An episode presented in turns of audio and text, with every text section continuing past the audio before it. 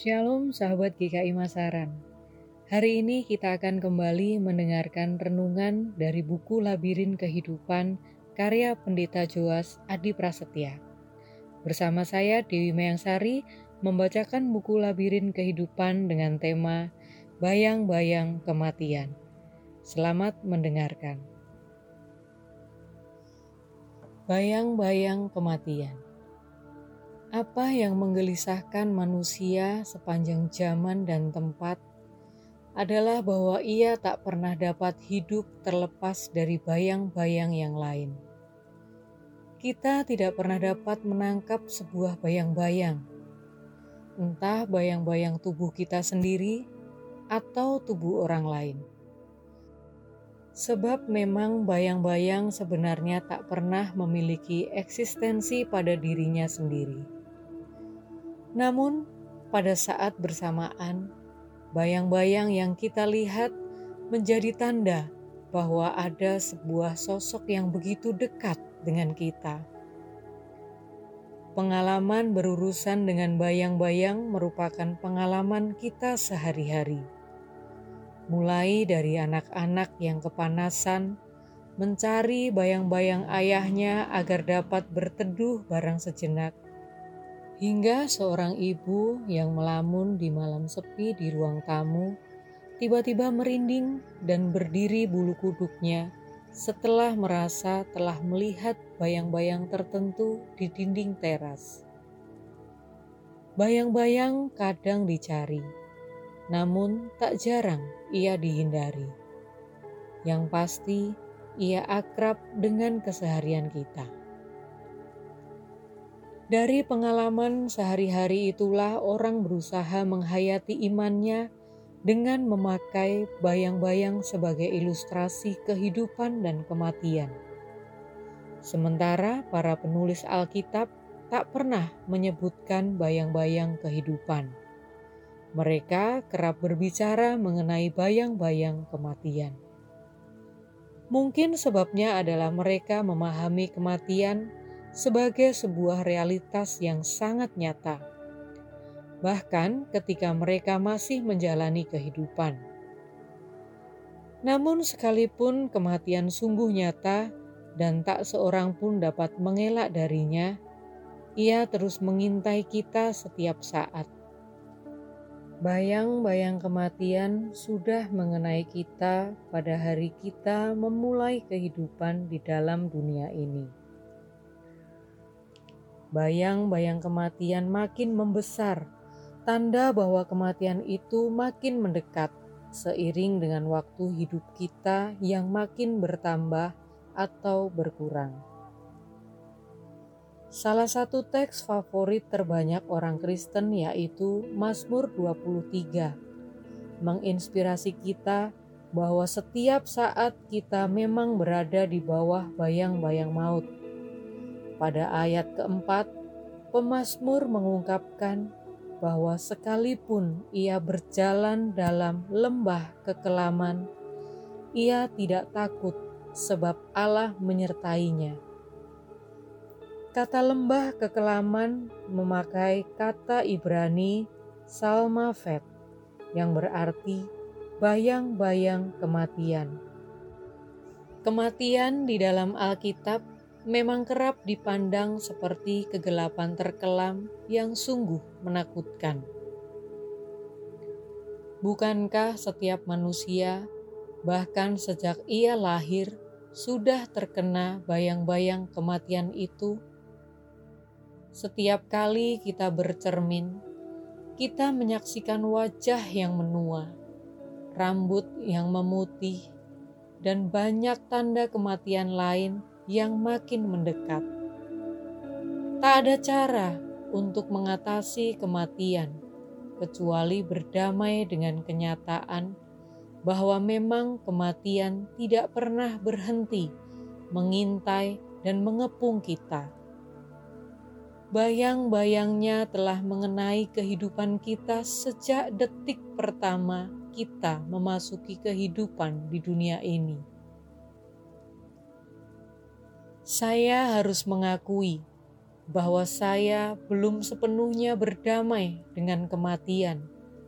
Sekalipun saya sering mengkhotbahkan pentingnya keberanian untuk menghadapi kematian.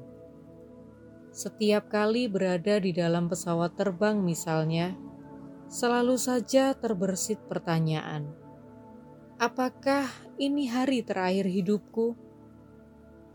Sekalipun secara rasional saya tahu persis bahwa pesawat terbang adalah alat transportasi paling aman di dunia.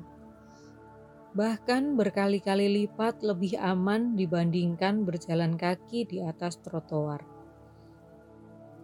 Atau setiap kali menjelang tidur, di keheningan malam, saya mendengar denyut jantung saya sendiri.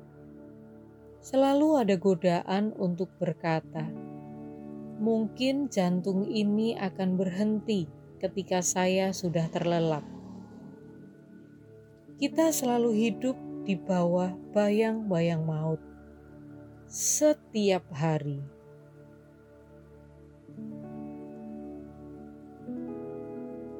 Spiritualitas sehari-hari barulah memberikan kemerdekaan batin ketika ia terus-menerus memberi kesadaran akan keterbatasan manusiawi kita.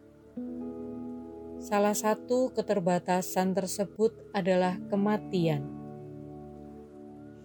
Mereka yang telah mampu menemukan keindahan hidup di dalam keseharian yang tampak biasa saja akan mampu pula menghadapi ketakutannya sendiri bahkan untuk menghadapi kematian yang tak dapat ditolaknya. Bukankah kita hanya dapat mengalami ketakutan ketika kita hidup?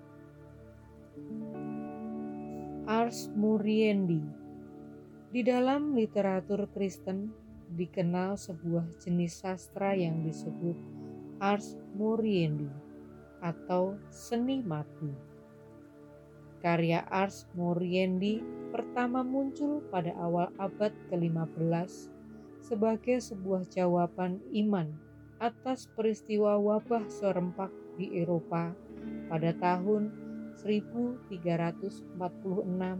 sampai 1353 yang kerap dijuluki kematian hitam atau Black Death.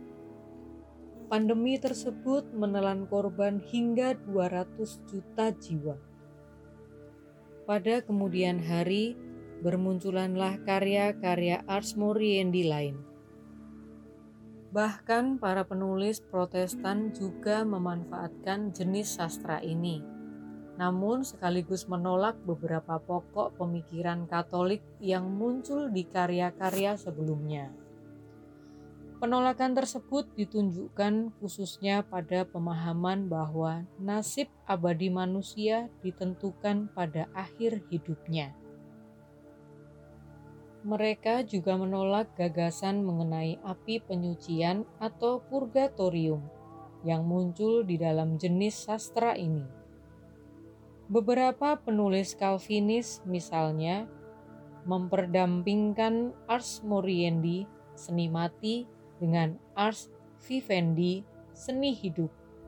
Sebab menurut mereka, cara terbaik untuk mempersiapkan kematian adalah dengan menjalani hidup sehari-hari sebaik mungkin. Saya tidak akan membahas panjang lebar isi Ars Moriendi kecuali ingin menyatakan bahwa tampaknya Ars Moriendi telah menjadi seni yang makin raib di dalam percakapan kita pada masa kini. Mungkin kelangkaan ini disebabkan oleh naluri ketakutan manusia pada kematian. Mereka sadar bahwa kematian sebenarnya tak terelakkan, namun mereka tetap berusaha menyangkalnya Mungkin orang-orang Kristen masa kini harus mulai menghidupkan kembali seni mati yang mulai terhilang ini. Oh ya, saya pernah mendengar seorang bapak yang sampai saat buku ini diterbitkan memiliki sebuah cara yang luar biasa untuk mempersiapkan diri dalam menyambut kematiannya sendiri. Setiap malam, selama bertahun-tahun, ia tidur di dalam sebuah peti mati yang terbuka. Sementara sang istri tidur di sampingnya di tempat tidur biasa. Dalam hati, saya mengagumi bapak tersebut yang berani mempersiapkan diri dan menghadapi kematian. Namun, terus terang, saya lebih kagum pada kelapangan hati istrinya. Demikian perenungan kita hari ini. Semoga memberkati sahabat semua. Tuhan Yesus memberkati.